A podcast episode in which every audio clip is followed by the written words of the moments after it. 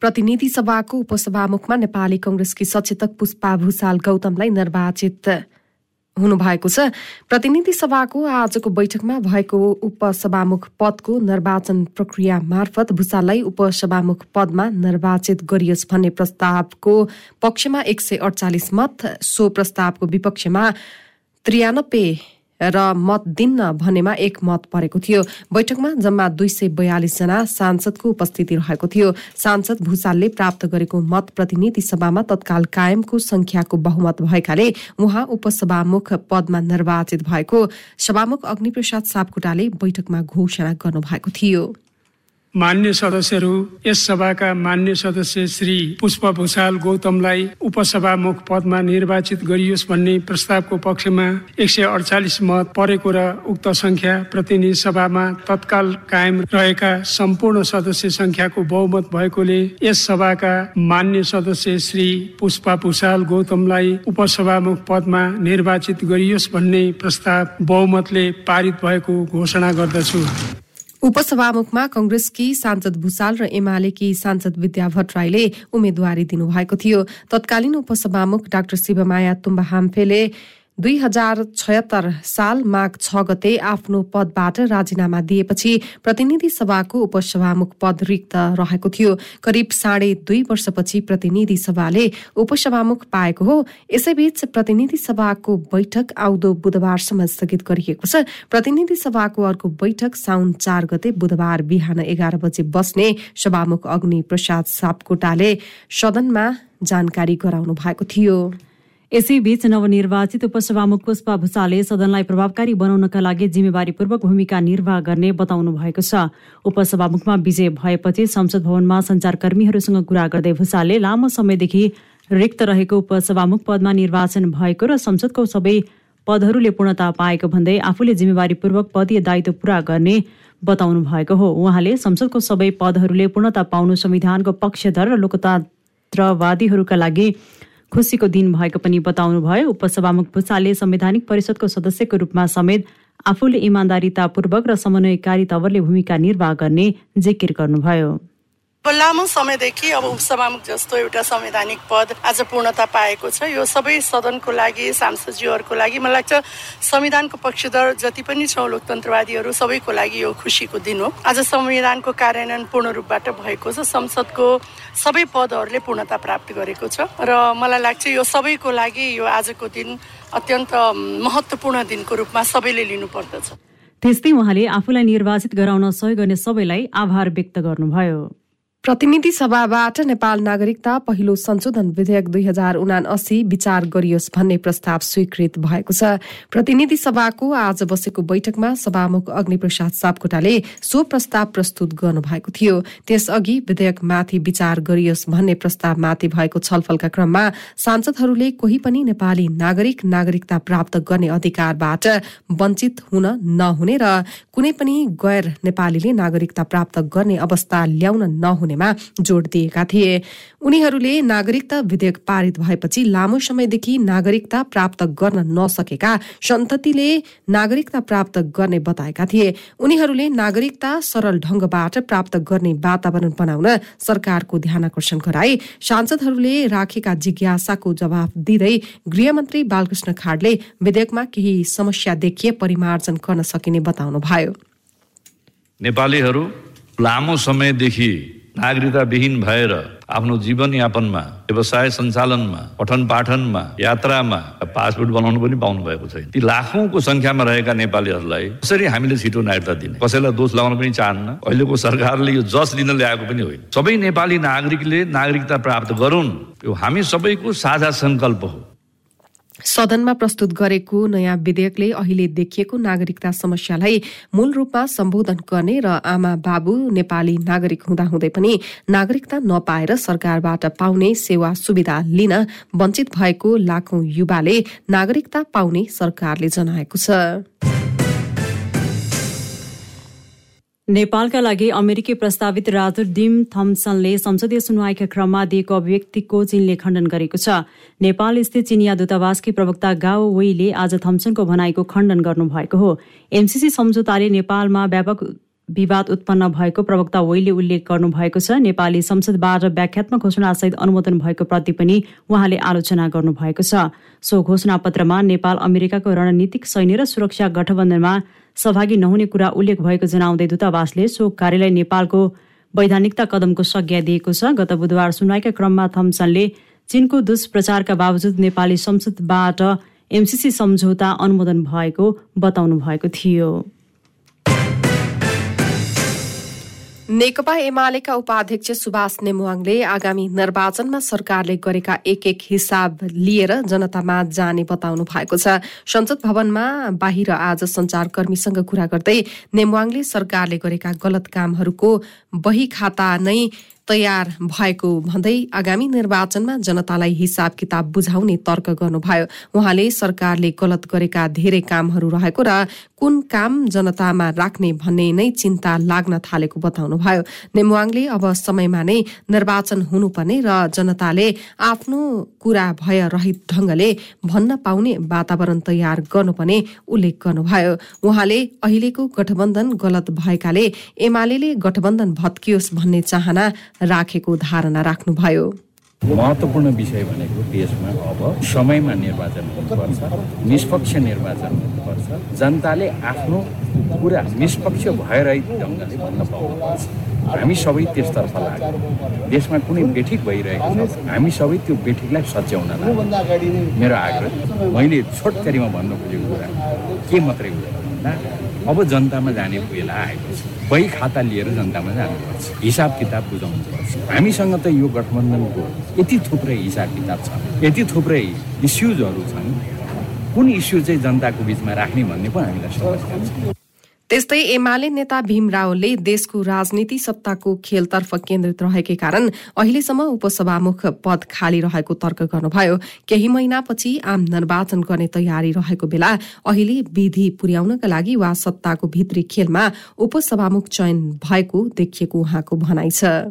जब हामी सबैलाई थाहा छ हामी केही महिनापछि आम निर्वाचनमा जाँदैछौँ। तर अब यति बेला यो निर्वाचन भएको छ यसले यसको साथसाथै हामीले जति बेला संविधान निर्माण गऱ्यौँ म पनि मसौदा समितिमा थिएँ त्यो बेला फरक लिङ्ग र फरक पार्टी भन्नुको अर्थ सत्ता पक्ष र विपक्ष भन्ने पनि थियो। अब यी सबै कुराहरू हाम्रो यो अभ्यासबाट हाम्रो राजनीतिमा देखिएका जुन विकृतिहरू हुन् त्यसका परिणामको रूपमा यी देखिँदै आएका छन्। त्यसकारण अब अहिले यो चार पाँच महिना अगाडि भए पनि अब एउटा विधि पुर्याइहाल्नु न त भनेर पुर्याए जस्तो वा सत्ताकै भित्री एउटा खेलमा अब कतिपय कुरा मिलाउनु पर्ने के गर्नुपर्ने होला। त्यसकारण यो अन्तिममा भइहालेको जस्तो देखिन्छ। उहाँले संसदीय अभ्यासमा विकृति पैदा भएको समेत बताउनुभयो।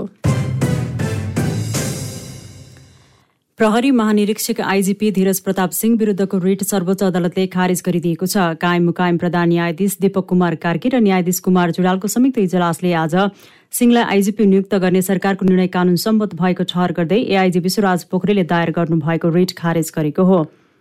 पोखरेलसँगै आइजिपी नियुक्तिलाई अदालतमा चुनौती दिनुभएका घनश्याम अरियाल ईश्वरबाबु कार्की र प्रकाशजङ कार्कीको रिट पनि खारेज भएको छ। पटक पटक पेशी तोकिँदै आएको सो मुद्दाको आज टुङ्गो लागेको हो। आइजिपीमा सरकारले आफूभन्दा जुनियर सिंहलाई नियुक्ति गरेको भन्दै एआइजी पोखरेलले गत वैशाख उन्नाइस गते रिट लिएर सर्वोच्च अदालतमा पुग्नु भएको थियो।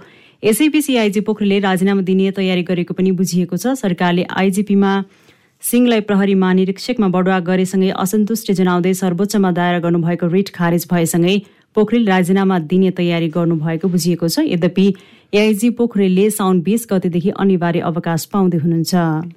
यस्तै सर्वोच्च अदालतले अर्थ मन्त्रालयका सचिवद्वय मधु कुमार मरासिनी र कृष्णहरि पुष्करलाई जिम्मेवारीबाट हटाउने आदेश दिन अस्वीकार गरेको छ। न्यायाधीश कुमार रेग्मीको इजलासले अर्थ मन्त्रालयको बहुचर्चित सीसीटीभी प्रकरण सम्बन्धी रेट निवेदनमा अन्तरिम आदेश दिन अस्वीकार गरेको हो। अधिवक्ताहरू सरोज कृष्ण घिमिरे र बाबुराम अर्याल लगायतले सीसीटीभी फुटेज सुरक्षित राख्ने सचिवद्वयलाई जिम्मेवारीबाट हटाउन माग गरेका थिए। थिए सर्वोच्चले भने कारण देखाउ आदेश भने जारी गरेको छ। मुद्दालाई प्राथमिकता दिन अग्राधिकारको आदेश दिएको छ। नेकपा एकीकृत समाजवादीका अध्यक्ष माधव कुमार नेपालले संसदको चालु अधिवेशन अन्त्य हुने बित्तिकै आगामी निर्वाचनको मिति घोषणा हुन सक्ने बताउनु भएको छ। काठमाडौँमा आज बागमती प्रदेश कमिटिले आयोजना गरेको तेस्रो पूर्ण बैठकलाई सम्बोधन गर्दै अध्यक्ष नेपालले संसदको चालु अधिवेशनपछि अब कुनै पनि बेला प्रतिनिधि सभा र प्रदेशसभाको निर्वाचनको मिति घोषणा हुन सक्ने भन्दै तयारीमा जुट्न आफ्ना नेता तथा कार्यकर्तालाई निर्देशन दिनुभएको हो। संघ प्रदेशसभाको निर्वाचनले राष्ट्रिय राजनीतिमा ठूलो प्रभाव पार्ने भएकाले सोही अनुरूप लगनशील भएर आफ्नो पार्टीको प्रतिनिधित्व हुने गरी लाग्न पनि उहाँले सबैलाई निर्देशन दिनुभयो। उहाँले धेरै कारणका बीच स्थानीय तहमा सबै स्थानमा जित हासिल गर्न नसकेपछि आगामी निर्वाचनमा पार्टीले धेरैभन्दा धेरै सिट जित्ने पनि दावी गर्नुभयो। यस्तै अध्यक्ष नेपालले स्थानीय तहको निर्वाचनमा महानगर र उपमहानगर बाहेकका स्थानमा प्रभावकारी रूपमा तालमेल हुन नसकेको पनि जिकिर गर्नुभयो। आफ्नो पार्टीलाई तालमेलका क्रममा अपमानजनक व्यवहार भएको भन्दै आगामी निर्वाचनमा सबै गल्तीहरूलाई सच्याएर अघि बढ्नुपर्ने उहाँले भनाइराख्नुभयो। गठबन्धनले हामीलाई दिएको महानगरपालिकाको मेयरमा जित्यौँ उपमेयरमा जित्दा जित्दै पनि हार्यौँ। यसकारण पनि गठबन्धनले महानगरपालिका उपमहानगरपालिकामा मेयर उपमेयरमा ठिकै निर्णय गरेको थियो। तर वडाहरूमा हामी अड्न सकेनौँ। वडाहरूमा जुत्न सकेनौँ। तल तल हामी लड्न सकेनौँ। एक्लै पनि उठाउने आँट गरेनौँ। एक्लै उठाउने आँट गरेको भए एउटा बेग्लै किसिमको स्थिति पैदा हुने थियो। अवश्य त्यसले के हुन्थ्यो भने फाइदा केपी ओलीले उठाउने थियो। काङ्ग्रेसले उठाउन सक्ने थिएन। माओवादीले उठाउन सक्ने थिएन। सके हामी आफै पनि जित्ने थियौँ। हामी जित्न नसके पनि अरूलाई पनि जित्न हम्मे हम्मे पर्ने बल्ल चेत खुल्ने थियो। अहिले पनि चेत खुलिया छ कि छैन थाहा छैन। त्यस्तै बैठकमा गत वैशाख तीस गते सम्पन्न स्थानीय तह निर्वाचन विगतमा प्राप्त गरेको उपलब्धि र कमजोरीका सँगै आगामी कार्यदिशाका बारेमा पनि छलफल भएको बताइएको छ। नेकपा एमाले सरकारले गएको एक वर्ष समयको बर्बादी मात्र गरेको आरोप लगाएको छ। एमालेको केन्द्रीय स्वास्थ्य तथा जनसंख्या विभागले आज पार्टी कार्यालय च्यासलमा पत्रकार सम्मेलन गर्दै गठबन्धनले जारी गरेको न्यूनतम साझा कार्यक्रम सरकारद्वारा प्रस्तुत नीति कार्यक्रम र विनियोजन बजेट र कार्यान्वयनलाई हेर्दा एक वर्ष समयको बर्बादी मात्र गरेको आरोप लगाएको हो। संविधानको रक्षा र कार्यान्वयन लोकतन्त्रको सुदृढीकरण संघीय प्रणालीको सुदृढीकरण जनजीविका र राष्ट्रियताको सवाल अन्तर्राष्ट्रिय सम्बन्ध सुशासन र भ्रष्टाचार नियन्त्रणका प्रश्नमा सरकार पुरै असफल भएको एमाले जनाएको छ। संविधानमा उल्लेख गरिएको स्वास्थ्य र शिक्षा जस्तो मौलिक हकको कार्यान्वयन गरी समाजवादको आधार तय गर्ने सवालमा सरकारले कुनै काम गर्न नसकेको एमाले स्वास्थ्य विभागका प्रमुख योगेश भट्टराईले बताउनुभयो। उहाँले कमजोर व्यवस्थापन र नेतृत्वका कारण दस लाख मात्रा बढी कोरोना खोपको मिति सकिएर फालिएको र अर्को बीस लाख खोप खेर जाने अवस्थामा रहेको आरोप लगाउनुभयो। सरकारको प्राथमिकता खोप खोप र खोप रहेको र दुई हजार अठहत्तर चैत मसान्तसम्म शत प्रतिशत खोप लगाउने भनी गरेको घोषणा हावादारी गफमा परिणत भएको र बालबालिकामा खोपको पहुँच अझै पनि अत्यन्तै न्यून रहेको भट्टराईले बताउनुभयो। उहाँले निजामती सुरक्षा अङ्ग र शैक्षिक क्षेत्र लगायतका सबै औपचारिक क्षेत्रलाई बिमाको दायरामा ल्याउने बिमा ऐन दुई हजार चौहत्तरको अवधारणा कार्यान्वयनमा सरकार असफल भएको तर्क गर्नुभयो। कमजोर व्यवस्थापन र नेतृत्वका कारण दस लाख मात्रा बढी खोप नीति सकिएर फालिएको तितो सत्य हाम्रा सामु छ। पछिल्लो सूचना अनुसार मन्त्रालयले थप बिस लाख डोज खोप नीति सकिएर फाल्ने तयारीमा लागेको हामीले सूचना पाएका छौँ। प्रधानमन्त्री शेरबहादुर देउबाले आफ्नो सरकारको प्राथमिकता खोप खोप र खोप रहेको र अठहत्तर चैत्र मसान्तसम्म शत प्रतिशत खोप लगाउने भनी गरेको घोषणा हावादारी गफमा परिणत भएको छ।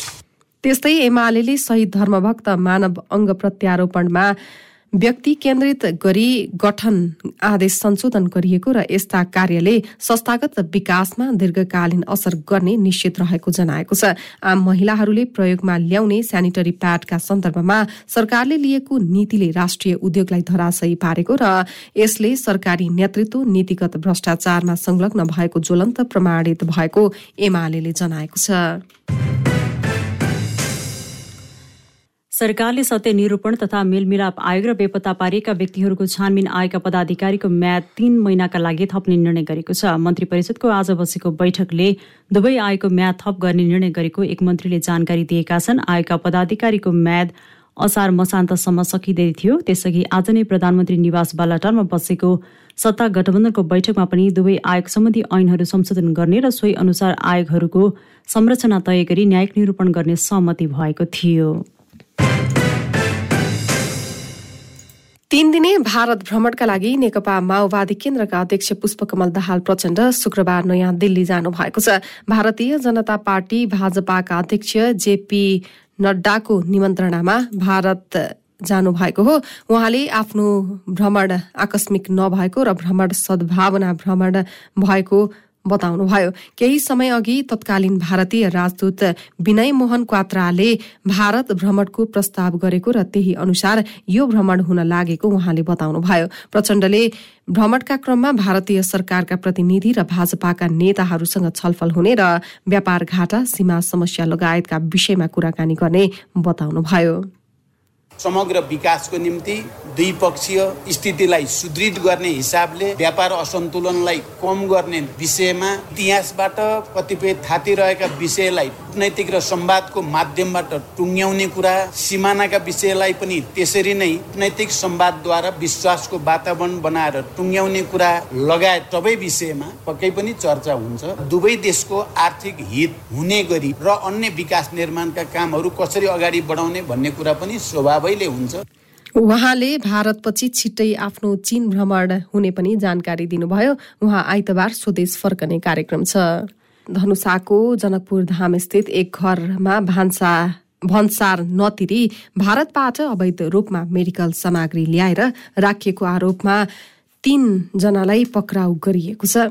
जनकपुर धाम उपमहानगरपालिका नौ स्थित घरमा छापा मार्दा ठूलो मात्रामा मेडिकल सामग्री फेला परेको धनुषा प्रहरीका प्रवक्ता एवं डीएसपी जितेन्द्र कुमार बस्नेतले जानकारी दिनुभयो। मेडिकल सामग्री फेला परेपछि घरमा बसिरहेका तीनजनालाई पक्राउ गरिएको हो। पक्राउ पर्ने तीनैजना भारतीय नागरिक रहेको प्रहरीले जनाएको छ। ती सामान सहित तीनैजनालाई जिल्ला प्रहरी कार्यालय ल्याउने र अन्य अनुसन्धान गर्ने काम भइरहेको प्रहरीले जनाएको छ। मोरङ जिल्लाको सुनवर्सी नगरपालिका आठ हसनगढी स्थित सीमा इलाकाबाट लागु औषध सहित दुईजनालाई प्रहरीले पक्राउ गरेको छ। सशस्त्र प्रहरीले पन्ध्र पत्ता ट्रामाडोल र पन्ध्रवटा नाइट्रा जेपाम नामक लागु औषध सहित सोही नगरपालिका तीन बाहुन टोल बस्ने एक्काइस वर्षीय विष्णु ऋषुदेव र बीस वर्षीय अभिषेक ऋषिदेवलाई पक्राउ गरेको हो। भारतबाट नेपालतर्फ आउँदै गरेको उनीहरूलाई सशस्त्र प्रहरी बल नेपाल बिओपी सिक्टीबाट खटिएको सशस्त्र प्रहरीले शङ्का लागि जाँच गर्दा उनीहरूको साथमा सो लागु औषध फेला परेको हो। उता सुनसरी जिल्लाको कोशी गाउँपालिका आठ चार कुने स्थित सीमा इलाकाबाट सशस्त्र प्रहरीले विभिन्न किसिमका लागु औषध सहित एकजनालाई पक्राउ गरेको छ। उदयपुर जिल्लाको चौदण्डी गढी नगरपालिका सात बस्ने चौबिस वर्षीय जीवन राईलाई पक्राउ प्रहरीले गरेको हो। भारतबाट नेपालतर्फ आउँदै गरेका निज राईलाई सशस्त्र प्रहरी बल नेपा बीओपी हरिपुरबाट खटिएको सशस्त्र प्रहरीले शंका लागि जाँच गर्दा उनको साथमा फेनारगमन फेनारगन बिसवटा डाइजापाम बिसवटा र लुपी जेसिक बिसवटा फेला पारेको हो। पक्राउ परेकाहरूलाई बरामद लागु औषध सहित आवश्यक कार्यवाहीका लागि नेपाल प्रहरीलाई बुझाइएको छ। धनुषाको जनकपुर उपमहानगरपालिका आठमा घरको छतबाट लडेर एकजनाको मृत्यु भएको छ। रानी सती पेट्रोल पम्प बस्ने पचहत्तर वर्षीय मातोश्वरी देवी शाहको आफ्नै घरको दुई तला माथि छतबाट लडेर आज बिहान मृत्यु भएको हो। यस सम्बन्धमा प्रहरीले थप अनुसन्धान गरिरहेको छ। काठमाडौँ महानगरपालिका चौध बल्खु स्थित टाटा सुमो काउन्टरमा यात्रुहरूलाई लाग्ने भाडा भन्दा बढ़ी भाडा लिई अनावश्यक दुःख दिएको अभियोगमा दसजनालाई प्रहरीले पक्राउ गरेको छ। पक्राउ पर्नेहरूमा काठमाडौँ महानगरपालिका चौध बस्नेहरू सिन्धुलीका तीस वर्षीय हरि बहादुर पाण्डे उदयपुरका बाइस वर्षीय सञ्जय तामाङ कैलालीका एक्काइस वर्षीय राजु थापा पर्सा वीरगंजका पैंतिस वर्षीय राजीव कुमार सिंह सिन्धुलीका तीस वर्षीय नीतिश जङ राणा सर्लाहीका उन्तिस वर्षीय रविन्द्र चौधरी काठमाडौँ महानगरपालिका तेह्र बस्ने भारत बिहारका उन्तिस वर्षीय राकेश कुमार श्रीवास्तव किर्तिपुर नगरपालिका दुई बस्ने रौतहटका उन्तिस वर्षीय आकाश तामाङ नागार्जुना नगरपालिका तीन बस्ने इलामका उन्तिस वर्षीय दोर्जे गुरूङ र काठमाडौँ दक्षिणकाली बस्ने चालिस वर्षीय राम तामाङ रहेका छन्। सो काउन्टरमा केही व्यक्तिहरूले यात्रुहरूलाई अनावश्यक दुःख हैरानी दिइरहेको भन्ने सूचना प्राप्त हुन साथ प्रहरी वृत्त कालीमाटीबाट खटिएको प्रहरीले सड़कबाटै जबरजस्ती तानी दुःख हैरानी दिइरहेको अवस्थामा फेला पारी उनीहरूलाई पक्राउ गरेको हो। सरकारले नेपाल आयल निगमलाई पेट्रोलियम पदार्थमा कर बापत गरिएको समायोजन रकम प्रदान गर्ने निर्णय गरेको छ। मन्त्री परिषदको आज बसेको बैठकले यसअघि कर कटौती गरेर उपभोक्तालाई दिएको राहत बराबरको रकम निगमलाई उद्योग वाणिज्य तथा आपूर्ति मन्त्रालय मार्फत दिने निर्णय गरेको हो। यसअघि असार एघार गते सरकारले पेट्रोलमा प्रति लिटर बीस र डिजेल तथा मट्टीतेलमा उन्तिस रूपियाँ कर घटाउने निर्णय गरे लगतै निगमले उपभोक्ताका लागि सो बराबरको मूल्य घटाएको थियो। त्यसअघि पनि ती पदार्थमा प्रति लिटर दस रुपियाँ कर समायोजन गरिएको थियो। कर समायोजन बापतको मूल्य उपभोक्ताका लागि घटाए पनि निगमले सरकारलाई भने पुरानै दरको कर तिर्दै आएको छ। यसले गर्दा भारतीय आयल कर्पोरेसनलाई बुझाउनु पर्ने बक्यौता रकम निगमलाई बढ्दै गएको थियो। कर बापतको रकम निगमलाई प्रदान गर्ने आजको मन्त्री परिषद बैठकले निर्णयले निगमलाई राहत मिल्नेछ। सरकारले त्रिचन्द्र कलेज पुनर्निर्माण गर्न पचास करोड बजेट विनियोजन गरेको छ। कलेज पुनर्निर्माण गर्न बजेट सुनिश्चित भइसकेको कलेजका सहायक क्याम्पस प्रमुख तथा सूचना अधिकारी बालकृष्ण पौडेलले जानकारी दिनुभयो कलेज पुनर्निर्माणका लागि बजेट छुट्याएसँगै अहिले टेन्डरको प्रक्रिया शुरू भएको छ। नेपालकै पहिलो उच्च शिक्षाको केन्द्र त्रिचन्द्र कलेज दुई हजार बहत्तरको भूकम्प पश्चात जीर्ण अवस्थामा पुगेको थियो। कारोबारको अन्तिम दिन आज शेयर बजार परिसूचक नेप्से सामान्य अङ्कले बढेको छ। नेप्से आज सात दशमलव नौ तीन अङ्कले बढेर दुई हजार नौ दशमलव चार छ बिन्दुमा पुगेको हो। दुई सय एकतीस कम्पनीका चालिस लाख एकाउन्न हजार सात सय एकहत्तर किता शेयर एक अर्ब पैंतालिस करोड़ बैसठी लाख उनासाठी हजार आठ सय तेत्तीस रूपियाँमा कारोबार भएको छ। आज बैंकिङ विकास बैंक माइक्रो फाइनान्स जीवन बीमा र म्युचुअल फण्ड समूहको सेयर बढेको छ। ग्रिन लाइफ हाइड्रोको मूल्य सबैभन्दा धेरै पाँच प्रतिशत घटेको छ। कारोबार रकमका आधारमा आज माथिल्लो तामाकोसी एभरेस्ट बैंक किसान लघुवित्त संस्थापक हिमालयन डिस्टिलरी र अरूण काबेली क्रमशः अगाडि रहेका छन्। क्यान्डिड न्यूजमा अब अन्तर्राष्ट्रिय समाचार। श्रीलंकाका प्रधानमन्त्री रनिला विक्रमासिंहेले कार्यवाहक राष्ट्रपतिको शपथ ग्रहण गर्नुभएको छ। राष्ट्रपति गोटाबाया राजापाक्सेको राजीनामा स्वीकृत भएसँगै कार्यवाहक राष्ट्रपतिको जिम्मेवारी सम्हाल्नुभएका प्रधानमन्त्री विक्रमासिंहेले आज शपथ ग्रहण गर्नुभएको हो। सभामुख महिन्दा यापा अवय वर्देनाले आवश्यक कानूनी प्रक्रियापछि संसद सदस्यहरूलाई भोलि नयाँ राष्ट्रपति निर्वाचित गर्न आमन्त्रित गरिने र सात दिनभित्र नयाँ राष्ट्रपति चयन गरिने पनि जानकारी दिनुभयो। संविधान अनुसार विक्रमासिंहेले अबको केही समयसम्म कार्यवाहक राष्ट्रपतिको जिम्मेवारी सम्हाल्नुहुनेछ। फ्रान्सका पश्चिमी चोलेट शहरमा राष्ट्रिय दिवसको आतिशबाजीका कारण भएको दुर्घटनामा दुईजनाको मृत्यु भएको छ। अन्य सातजना घाइते भएका छन्। सात वर्षीय बालक र उनकी चौबिस वर्षीय दिदीको मृत्यु भएको स्थानीय संचार माध्यमले आज जानकारी दिएका छन्। फ्रान्सेली समाचार च्यानल बीएफएम टीभीका अनुसार सो दुर्घटनामा भाइ बहिनीका आमा बुबा सहित अन्य सातजना घाइते भएका छन्। दुर्घटनाबारे अनुसन्धान शुरू गरिएको बीएफएम टिभीले जनाएको छ। क्यान्डी न्यूजमा अब खेलकुदका समाचार। थाइल्याण्डको बेङ्ककमा आयोजना हुने एसियाली क्याडेट तथा जुनियर जुडो च्याम्पियनसिपमा नेपालका चार खेलाडीले प्रतिस्पर्धा गर्ने भएका छन्। च्याम्पियनसिपको क्याडेटमा दुई र दुई जुनियर गरी चार नेपाली खेलाडीले प्रतिस्पर्धा गर्ने भएका हुन्। च्याम्पियनसिपका लागि चार खेलाडी सहित आठ सदस्य नेपाली टोली आज त्यसतर्फ प्रस्थान गरेका छन् जसमा क्याडेट जुनियरमा एक एक पुरुष महिला खेलाडीले प्रतिस्पर्धा गर्नेछन् साउन एक गतेदेखि सात गतेसम्म प्रतियोगिता आयोजना हुनेछ। नेकोस राष्ट्रिय क्रिकेट संघको आयोजना तथा इलाम जिल्ला क्रिकेट संघको व्यवस्थापनमा आजदेखि इलाममा तीन दिने ओ लेभल क्रिकेट अम्पायरिङ तथा स्कोरिङ तालिम शुरू भएको छ। कार्यक्रममा नेपालका विभिन्न ठाउँबाट महिला तथा पुरूष प्रशिक्षार्थीले सहभागिता जनाएका छन्। कार्यक्रम तीन दिनसम्म चल्ने नेकोसका सहसचिव चेतनाथ पौडेलले बताए।